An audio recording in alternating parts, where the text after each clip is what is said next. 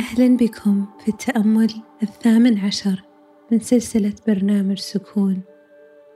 معكم شهد طخيم لعل من أصعب الأمور التي نمر بها هي فقدنا لأرواح مقربة كنا مرتبطين بها بعمق.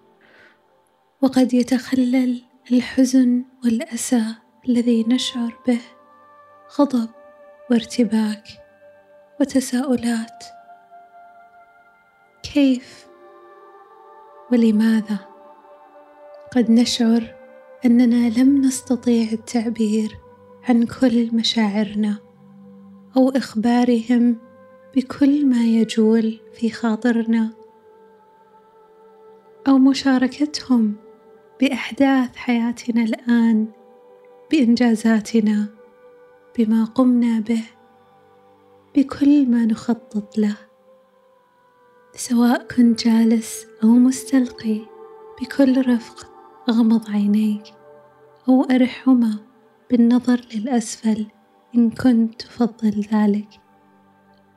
ضع يدك اليمنى على قلبك واستشعر الحب الموجود هناك الحب الذي لا يستطيع أحد أخذه منك الحب الذي دائما سيصلك بكل روح كنت متصل بها وفارقتك الآن.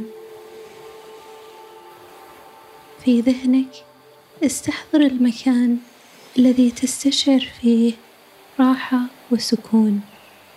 قد يكون ذلك على قمة جبل أو في غابة مليئة بالأشجار أو على شاطئ بحر تسمع فيه صوت الأمواج برفق.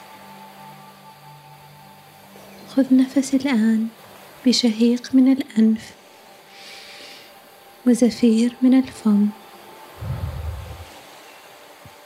مستشعرا بقلبك الروح التي تحتاج أن تكون معك هناك التي لعل تريد إخبارها بحالك. الروح التي قد تحتاج إرسال الصفح والمغفرة لها. تخيل هذه المغفرة مثل النور المشع الذي تستطيع إرساله لأي روح وستصلها. ردد معي بنية الرفق واللطف. أنا أرسل لك أيتها الروح المحبة المتصلة بي. كل المغفرة. والسلام. أنا أرسل لك أيتها الروح المحبة المتصلة بي.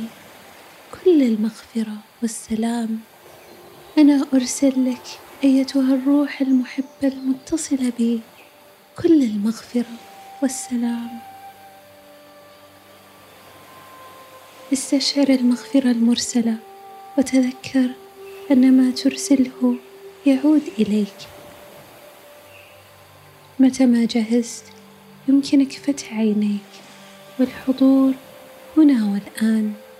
بتذكر تواجد المغفرة حولك وحول الأرواح المحبة خلال يومك.